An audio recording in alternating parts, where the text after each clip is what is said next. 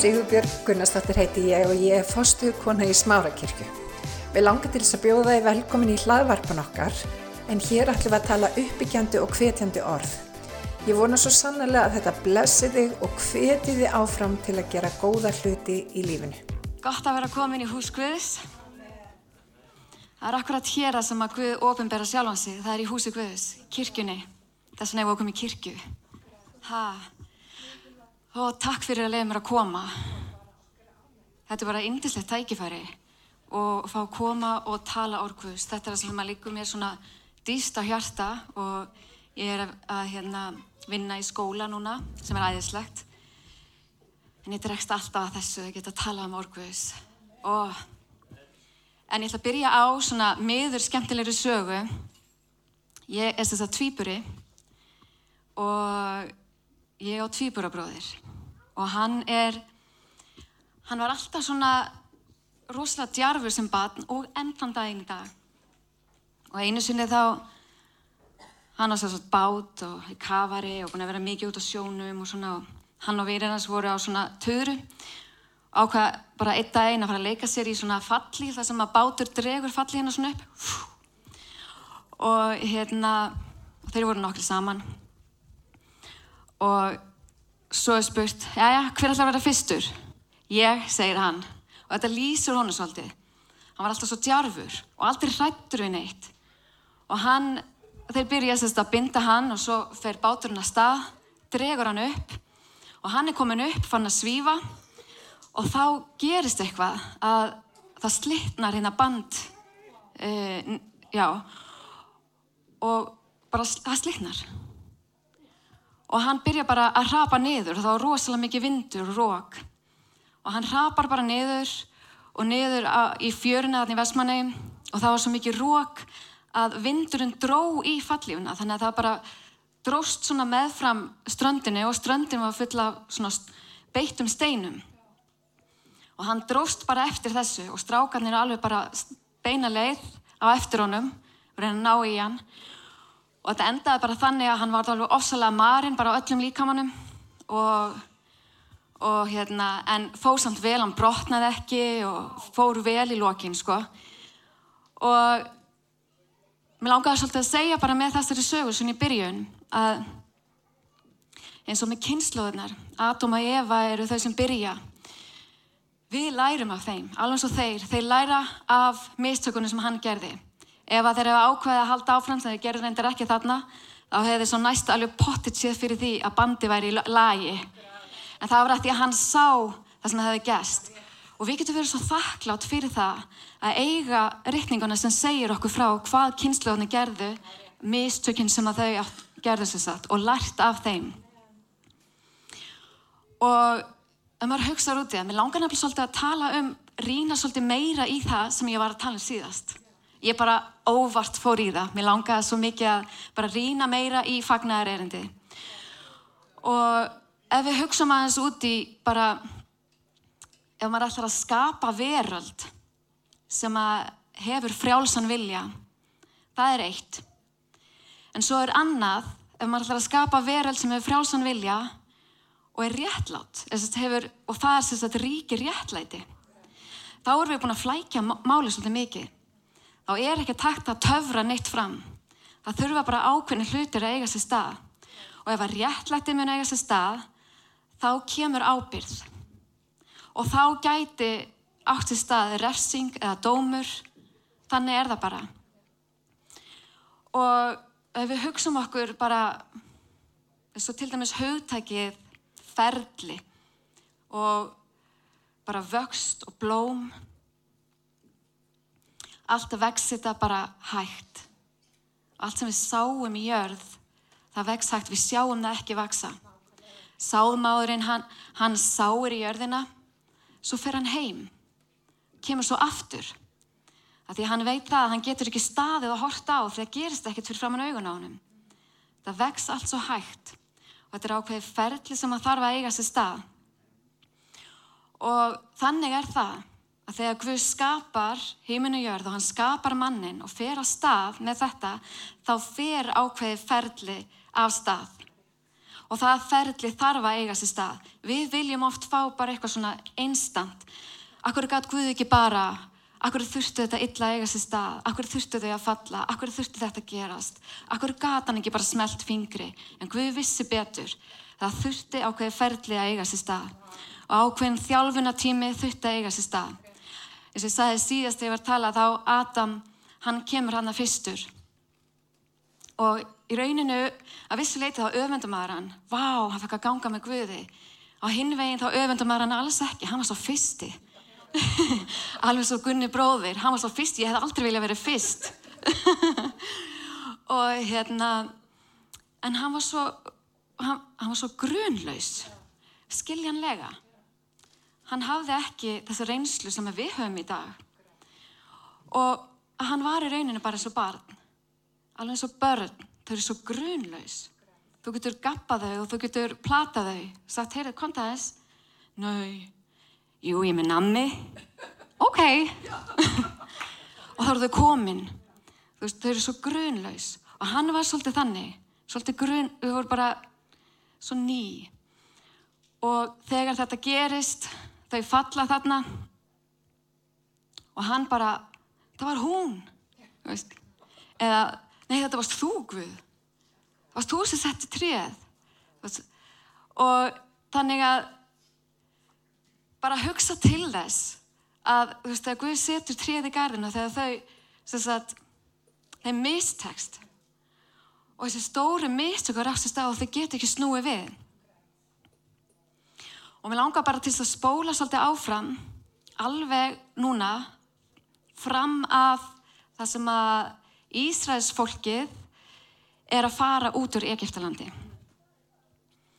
og Guð er að leysa þau undan þessari ánægð og hann sendur þau í burtu. Og hann hefði gett að senda þau stittri leðina Biblían segir það, alveg skýrt, hann hefði gett að senda þau stittri leðina en hann sendi þau í átt að sefhafinu hugsaðu ykkur ef þið varði að fara eitthvað og þið varði kannski þreytt eða varði að flýjandun ykkur að fara eitthvað og einhver myndi segja heyrðu, auðvitað varum við rosalega glæðir einhver myndi segja, heyrðu við skulum styrta okkur leið. En ef einhver segir, heyrðu við skulum lengja leiðina. Nei, alls ekki. Hvað þá ef hann myndi segja, heyrðu við skulum lengja leiðina og við skulum fara í átt það sem er alveg ómögulegt að komast yfir. Sefhafið, rauðahafið skulum gera það gaman en Guð hann ætlaði þeim að fara þessa leið hann vissi alveg að, að stendur semst í biblíun að ef að þeim myndu fara stittirleina og þegar þeir sjá að ófriður ríkir að þá snúa þeir, þeir getur þá snúið tilbaka til Egiptalands. Sendum þau áfram að sefhafinu og hvað gerir Guð? Stórkoslegt kraftaverk. Hann ætlaði aldrei að senda þau út einn og hann opnar þarna rauðahafið og gerir þetta, byrja, þetta þau eru bara rétt að byrja byrjaði á því, þau sáu bara vandamálum fyrir fram á sig, ó nei, og svo, ó wow, svaka kraftaverk. Ég meina við höfum ekki eins og síðan svona kraftaverk. Og svo komaðu þetta í eigðumörkina og Guð leiður þau síðan upp að sína í fjalli. En þá er Guð búin að vera með þeim. Það var engill fyrir aftan þau, stóð fyrir aftan þau. Hann sendi skístorpa um daga og eldstorpa um nætur til að leiða þau. Skístorpin færði sér mér þess að milli, veist, þannig að hann stóð fyrir aftan þau, þannig að einhvern veginn, þú veist, gáttu óvinniðin ekki komist af þeim. Hann var sá fyrir þeim og hann var búin að ákveða það að hann myndi fara með þeim í þetta ferðalag. Það var alveg á hreinu. Og síðan koma þau upp að sínaði og þar segir Guð að þau, hann vilji að þau hlusti á sín bóð og hlusti af aðtigli. Spurningin er, núna þurfa þau að ganga inn í eitthvað nýtt, að hlýða bóðorðum Guðs, þau verður að hlýða bóðorðum Guðs. Og það er svona eins og ákveði ók í rauninni sko. Að því í raun, ef að þú ferð undir þjónar einhverjum öðrum að þá ertu í rauninu komin undir smá ók. Ég er sérst komin nýja vinnu það er smá okk að byrja nýja vinnu, að þú vilt gera allt rétt og þú vilt standa undir vendingum og þú vilt ekki bara, vum, ef ég fer bara mína eigin leið, það gengur ekki, það þarf að vera ákveð, þú veist, og, og það er ákveð okk sem sagt. Ég var að hugsa um að fá að lesa, sjá, afsakið, sko, Ísrael sem sagt, ég ætla bara að hafa alveg á hreinu hvað Guð sagði við Ísrael, eða Guð sagði við Móse, að segja, vá, ég kann ekki að vera með svona mikrofón, afsakið. Um, Drottin hrópaði til hans af fjallinu og saði, segðu svo við niðja Jakobs og kunngjörðu Ísraels mönnum, þeir hafi séð hvernig ég hef farið með Egipta, hvernig ég hef borið ykkur á arnarvengjum og flutt til mín. Ef þið nú hlýðið á mig af aðtikli og haldið sáttmála minn, skulið þið vera sérstök eign mín umfram aðrar þjóðir. Nú ættu þið að fara að hlýða og þau finna fyrir þetta svona svo beistli sem er sett á hest sem er ótamin. Og hann svona brýst svolítið undan, þú veist, þetta er óþægilegt, þetta er óþægilegt. Og setja eitthvað á mig, þú veist, ég er ekki alveg svona eins og þú, þú veist, úf, ég þarf, þú veist, hafið eitthvað tíman einhverju sett eitthvað, eitthvað mörg, þú veist, að ekki vera með svona kallt, þú veist, ég vil hafa heitt á nóttunni eða, þú veist, og ég vil ekki á að tala svona mikið þegar ég er að fara að sofa, ég vil hafa frið, þú veist, þetta er svona, þetta er svona óþægilegt, já, þetta er óþægilegt. Og þau eru komin í þetta og þetta er svona eins og, eins og beislega verið að setja á þau og þau eru alveg, en þetta er svona þjálfvennan tími, þetta er mikilvægt, Guð veit hvað hann er að gera, já, þetta er óþægilegt, en ég ætla að vera með ykkur. Og þau eru komin inn í eigðumörkina og hvað gerist? Og þeir finna bara hversu óþægilegt er og Móse upplifið það hvernig bara allir ættbálkanir, það stendur þannig, allir ættbálkanir bara hrópuð og grétu. Og, og, og svo stendur hver og einn í sínu tjaldi. Getið ímyndað ekkur þú veist, ég hef verið að vinna á leikskóla í skóla, þú veist, ég veit það er eitt badgrætur eða annað hér og tvö og þrjú hér en þau voru þúsundir og það var hver ættbálkur og svo stundur hver og einn grét í sínu tjaldi og Móse er bara að kikna hann getur þetta ekki og hann bara, guð, hann bara, þú veist, þú veist var ég þungaður? Va, vitu, vitu, vitu, var ég þungaður fyrir að tala við Guð? Vitu, var ég óléttur? Vitu, fætti ég þessi börn? Fætti ég allt þetta fólk? Og hann gati þetta ekki, þetta var mikið fyrir hann. Og þetta var svolítið drama, ef við bara ímyndum okkur, þetta var svolítið drama. En það er þetta ferli og það er þessi þjálfuna tími. Þeir áttu að fara í gegnum þetta og þeir áttu að fara þessa leið. Guð ætlaði að sjá fyrir þeim og hann gerði það. Mörg kraftaverk sem þeir sáu. Svakalega stór kraftaverk. Og Guð gaf þeim að borða þegar þau voru svöng. Þegar þau voru þist, þá gaf þeim að drekka. Hann bara var með þeim. Það var skýstólpi um, um daga, var mikill hiti og mikill þurkur og skýin kannski veitt þeim skugga, pástu til að anda og eldstólpun nætur og það fór aldrei frá þeim. Hann var með þeim. Og það sem að, uh, ég var eitthvað tíma um að keira, ég og Högni, vinnu minn og við vorum að ræða eitthvað, ég var að lesa fyrir hann og Galatabrifinu um okið og hann alveg ég alveg býtu, ekki vera að grýpa fram í þegar ég er að tala ég segja það stundum við hann sko. Og hérna, og langaði svo að tala og segja og hann alveg já, alltaf eitthvað að segja. Og hann leir, já, ég fekk hérna, kom hérna í huga minn hérna svona sameiki. Og við meðum kannski bara setja upp myndina af sameiki, mér langaði svolítið að tala um það já, hín myndir hendar, allt er góður. Ok, sjáu þið.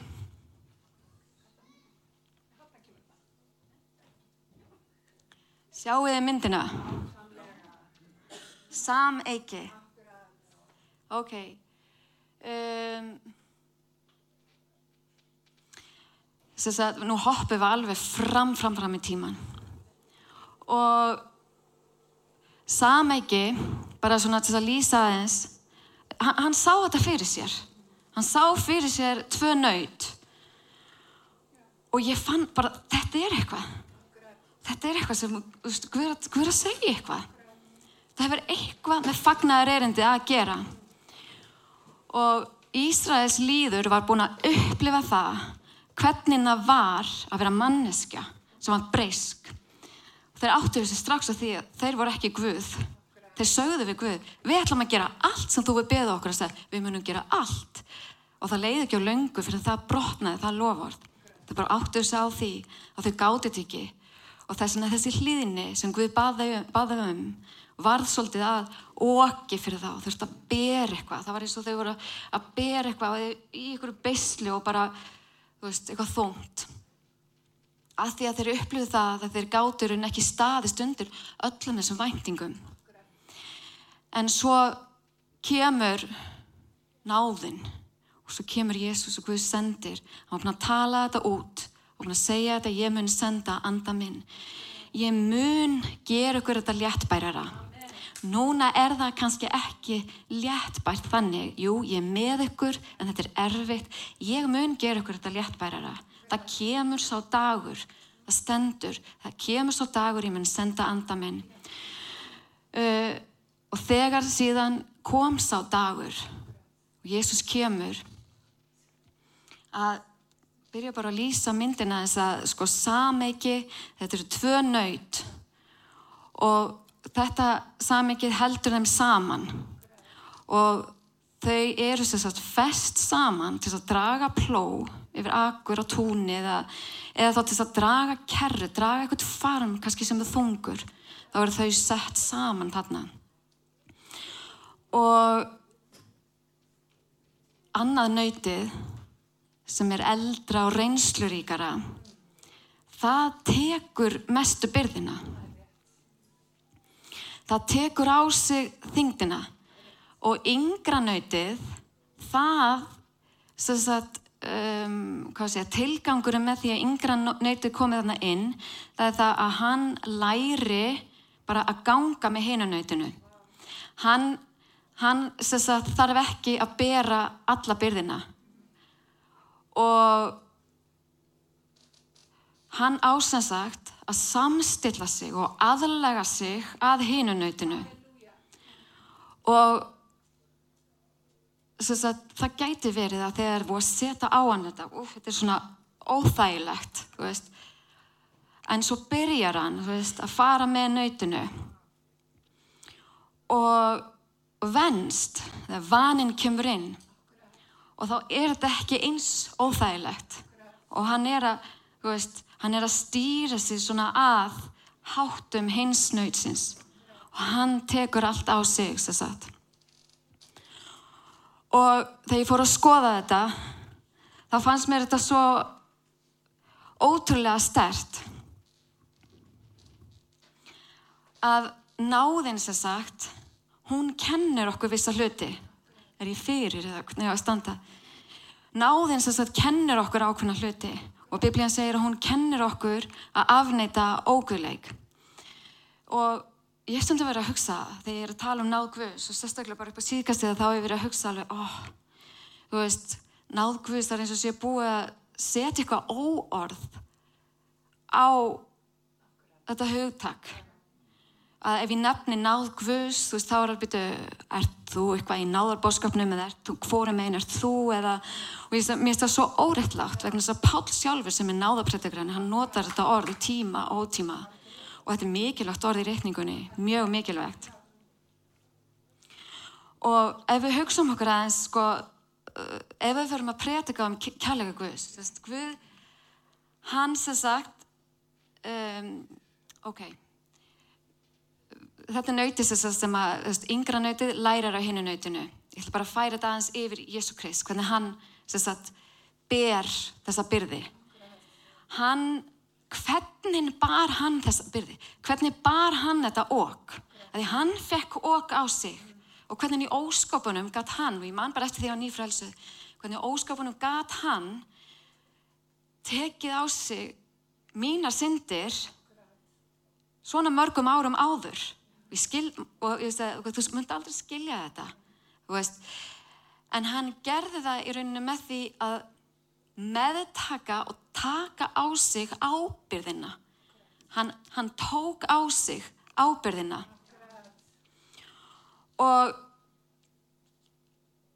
það þýðir að þessi skuld sem var á okkur sem bara, var ómögulegt fyrir okkur að borga veist, það var engi sig að hjálpa neinum öðrum. Við vorum í bara tvílikri skuld sem við gátum ekki borgað og hann ákvað að taka þessa skuldabyrði á sig. Þið veitir hvernig er það með skuldabyrði? Það er byrði. Og finnur það bara í líkamannum sálinni og öllu. Og sérstaklega ef þú er komin á þann stað að þú getur ekkert í þessu gert og er bara búin að missa allt.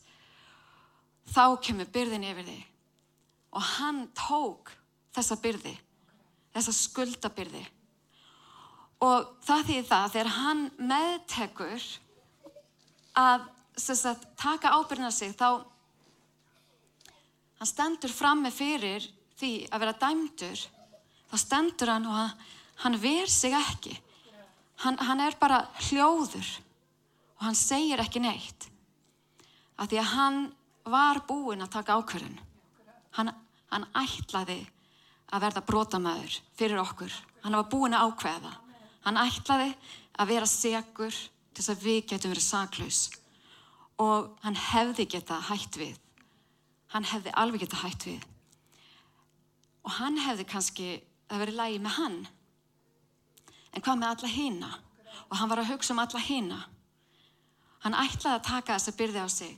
Og með því að gera það, þá kemur þessi ásökun og þessi ásökun sem er beint á hann og þegar þessi ásökun kemur þá kemur fordamingin fordamingin kemur á mótónum og refsingin er síðan lögð á hann. Og þá eru afleggingarnar hann þurfti þá að því að búin að ákveða að taka þetta á sig þá þurfti hann að taka við þessum afleggingum sem er dauði. Og þá þetta sem hann tók á sig.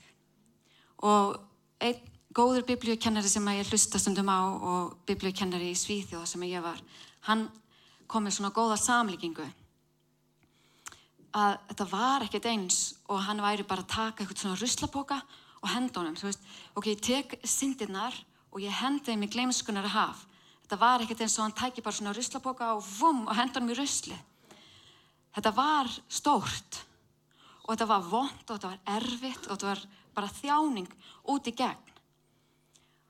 Og það var það okk sem hann tók á sig. Það var það, það okk sem hann ber og við getum komið svo með honum og við löpum í söma átt að hann og þá er mitt komið við að þessu náðar hugtæki. Hvað þýðir það fyrir okkur að hann hefur gert okkur lítalauðs og réttlátt Við þurfum bara að kvíla í gæsku hans og náð og kvíla í þessu sigri og kvíla í því að hann hefur tekið á sig allar okkar syndir, allar, allar okkar syndir. Hann er búin að taka það á sig og gert okkur saklaus og lítalus framhef fyrir sér. Við stöndum bara saklaus og það er sannleikur. Það er það sem biblían segir. Og ég hef stundum hugsað þegar ég er að tala út frá þessu þá verði ég svona, bytti, bytti, bytti, en ég verði að passa mig.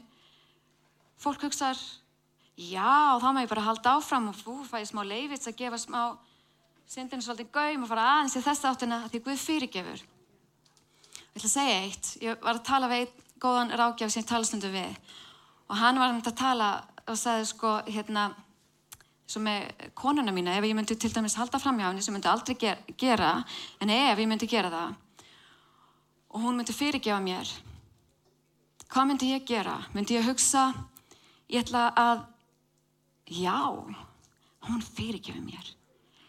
Þá ætla ég að halda áfram. Ég ætla að halda áfram að brjóta á henni því að hún er svo náðarík og hún fyrirgefur mér alltaf. Eða mun hann hugsa, hún fyrirgefur mér. Ég vil yðrast í sekk og ösku. Ég elska hana. Ég vil ekki særa hana aftur að því hann elskar hana Hann elskar hana. Þetta er ekki spurning um, þú veist, ok, að tikka í eitthvað boks, heldur þetta er spurning um kærleika og elsku. En hugsa um okkur ef að nöytið, sagt, kemur undir okið og sagt, Jésús myndi segja heyrðu, taktu af þér þetta okk, þú þarft ekki á því að halda. Bara taktu það af þér. Þú þarft ekki á því að halda. Málið er það að sagt, kvildin hún fælst ekki því að kasta af sér öllu okkinu Við þurfum að halda áfram að samstilla okkur Kristi Við þurfum að halda áfram að ganga þessa braut. Við erum ennþá að læra þjálfunatíminn, hann er ekki búinn. Við erum ennþá í þjálfun en undir mun léttbærari kringumstæðum. Já, við erum undir allt öðruvísi kringumstæðum heldur en Ísraelsliðurum var. Og ef að nöytið myndi að hugsa, hm, eh, ég þarf ekki að bera neitt okk. Hann tekur allt okkið þá ætla ég að fara að þanga, ég ætla að fara að mína leið. Það sem gerist er að vum, þegar hann fer að snúa sig við og fara sína leið, að meiðir hann í rauninni og meiðir hann ef hann, ef hann stoppar og er ekki samfyllt og er ekki fara sömu átt. Og þannig að ef hann hugsar, ok, ég ætla að fara og ég ætla að gera það sem ég vil, en það er ekki hugsunum með þessu okki, þetta er öðruvísu okk í rauninni, þetta er okk sem við eigum að koma undir. Við eigum að koma undir þetta og. Og það er svolítið fráleitt að hugsa til þess að við hugsum að þegar náðinu kominn, þá megum við bara sleppa beisluna af holdinu og bara gefa gindinni svigrum. Bara gefa gindinni aðgang. Bara slaka aðeins á. Þessi hugsun í rauninni er svolítið fráleitt. Og ef við hugsaum um það, allir svo tími sem að fór í að þjálfa Ísraels þjóðina að vera undir þessu oki og koma í þennan vana að sjá hverju vilji Guðs með þessum bóðum og finna hver hann er og finna hver karakter hans er og að ganga samhliða því í allana tíma, gera mistök, rýsa upp, yðrast í sekka ösku og rópa á Guð og koma aftur undir þetta og veist, hlýða Guði fylgja Guði. Þetta er þeirra saga. Og ef að Guði var búin að taka allan þennan tíma allt þetta tímabil, allt þetta þjálfuna tímabil bara síðan til að segja við okkur styrtu niður bóðurunum sleftu bara af þér óginu og hlöftu þína leið. Það er, veginn, það er svo öfugsnúið það var ekki það sem Guði ætlaði frá byrjun. Og Í Matteus 11 þá stendur komi til mín öll þér sem erfiðið og þunga eru hlaðin og ég mun veita eða kvild. Takið á eður mitt okk og lærið af mér þegar ég er hóvar og af hjarta lítilætur og þá munir þér finna kvild sálu með þar því að mitt okk er ljúft og byrði mín er létt. Og lærið af mér, hvað eigum við þá að gera? Veist, ég á ekki að fara mína eigin leið, ég á að fara í sömu átt. Hvað vill hann að ég geri og hvað, hvað er það sem hann vill að ég geri? Lærið af mér. Við lærum af honum. Hvað gerði Jésús? Hann kom til þess að setja þjáða lausa og bóða náðar og drottins. Hann kom til þess að veita föngum lausn og að lækna og það sem veikir voru. Og við sjáum að, þú veist, hann læknar blindan mann, hann læknar konu sem var búin að vera beigð í átjan ár, hann læknaði konu sem var búin að vera með blólátt í tólf ár, hann læknar holdsveikan mann, hann læknar, hann læknar, hann læknar, hann er komin til að leysa fólk undan þessari áþján, undan þessari oki og undan þessari kúun, þess að leysa fólk og við lærum á honum Og það sem er uppurvandi í rauninni í þessu er að við getum þetta. Það er það sem er svo uppurvandi. Við getum verið samhliða Guði. Af hverju? Því þegar Jésús tók okið á sig að þá, að, hvað maður að segja, hann sagt uppfyldi, hann fullnægði uh, kröfum réttlætisins. Og hann, þetta eru kröfur réttlætisins sem að hann uppfyldi. Og Jésús saði sjálfur, ég er ekki komin veist, til þess að, að hérna, ógilda lögmálið. Ég er ekki komin til að styrsta þessu bara neður. Heldur til þess að uppfylla það.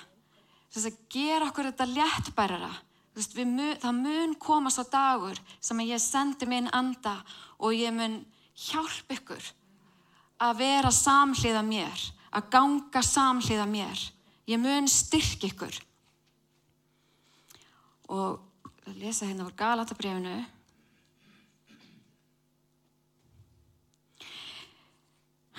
Er þá lögmálið gegn fyrirheitum Guðs fjarrri fyrir því?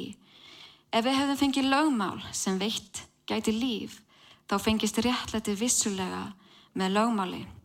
En riktningin segir að allt sinn neft undir vald syndarinnar til þess að trúiðum veitist fyrirheitið með því að treysta því sem Guðlét Jésu Krist gera. Þetta er bara rosalega djúft. Wow, veist, riktningin segir að allt sinn neft undir vald syndarinnar. Syndinni var gefið ákveð tækifæri í ákveðin aðgang í ákveðin tíma og svo stendur til þess að vera að segja okkur af hverju henni var gefið færi sagt, til þess að trúum veitist fyrirheitið með því að treysta því sem Guðlétt Jésu Krist gera. Og svo annars það talað um sko til þess að allir öðlis fyrirheitið, allir. Að það, voru, það byrjuði allir á nulli. Til þess að fyrirheitið myndi veitast með því að treysta það sem að Guð leti Jésu Krist gera. Og áður en þessi leið var fær vorum við inni lokuð í gæslu lögmálsins þanga til trúin sem í vændum var opinberaðist. Þannig hefur lögmálið orðið tiftari okkar þanga til Kristur kom til þess að við réttlætumst af trú. En nú, eftir að trúin er komin, eru við ekki lengur undir tiftara og það er rétt. Við erum ekki lengur undir tiftara og við mögum segja það fullum hálsið því að Biblian segir það. Við erum ekki lengur undir þessum tiftara en það þýðir ekki það að við bara förum okkar eigin leið. Það þýðir það að við höldum áfram með Jésu Kristi, við höldum áfram að sagt, samstilla okkur með honum og ef við hlýðum og ef, ef við höldum áfram þá komum við sagt, inn í fyrirreitna landi. Og hugsa ykkur, veist, stundum fara maður þessa tilfinningu að maður kannski gangi gegnum eitthvað erfitt, eitthvað þungt og maður hefur bara þessa tilfinningu Guð er ekki alveg 100% með mér. Það er kannski 1% sem ég finn að, að vantar eitthvað upp og hann er ekki alveg með mér. En það er lígi. Það er lígi. Hann er 100% með okkur. Hann er búinn að henda syndinni, hann er búin að, sagt, það var nákvæmlega það sem hann ætlaði að gera, það var að útrýma, guðleysi, útrýma guðleysi frá Jakob, það var það sem hann ætlaði að gera allan tíman.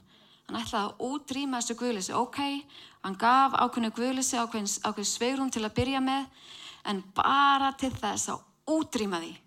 Hann ætlaði að sigra dauðan almennilega og gera það réttláttlega og hann gerði það í réttlæti sínu og Jésús uppfylgti þessa kröfur. Hvað getur við þá gert? Hvernig er þetta óaksest fyrir okkur?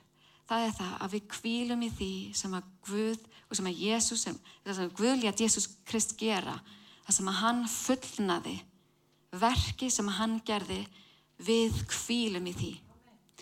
Ég þarf ekki að ganga um og stunda ákveð bara til þess að finna mig verðuga í einhverju. Ég þarf þess ekki, ég er 100% verðug. Framöfrið Guði, ég er 100% verðug. Og mitt í storminum og mitt í öllu því sem að kemur á mót okkur, þarna getur við þá kvilt. Við getum komið til hans og hann mun veita okkur kvilt og hann mun gefa okkur þennan frið sem er aðrið öllum skilningi. öll ásökun sem að kemur á mót okkur. Hvaða er uh, fordæming? Hvað sem er sem að kemur á mót okkur? Og þetta kemur á mót okkur. Þetta er æfing. Við erum að ganga við honum, við upplöfum þetta allt. En við æfum að sleppa. Það sem að er, þetta er í rauninni æfing að sleppa og treysta. Æfing að sleppa, æfing að treysta. Brynja réttlætisins, það er ekki eitthvað sem að, þú veist, þessar, þessi herrklæði sem okkur er gefinn, það er ekki fyrir okkur til þess að fara í al, alvöru herna. Það er í rauninni bara að læra uh, veist, að að réttlæti Guðs ofnilberist fyrir okkur svo við sjáum verk dróttis á krossinu þar sem við unni fyrir okkur. Og þetta var svona þessi bóðskapi sem ég langaði til þess að koma með í dag og bara sína fram á það hvað Guð let Jésu Krist gera. Þetta hugsaði hann áður en að skapaði okkur áður en að skapaði jörðina.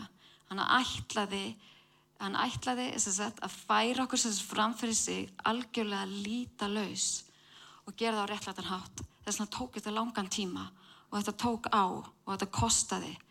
Og þess vegna við spurjum okkur er gæt Guði ekki bara gert það hins einn nei, hann þurfti að gera það svona. Já, halleluja. Guði góður. Takk Jésús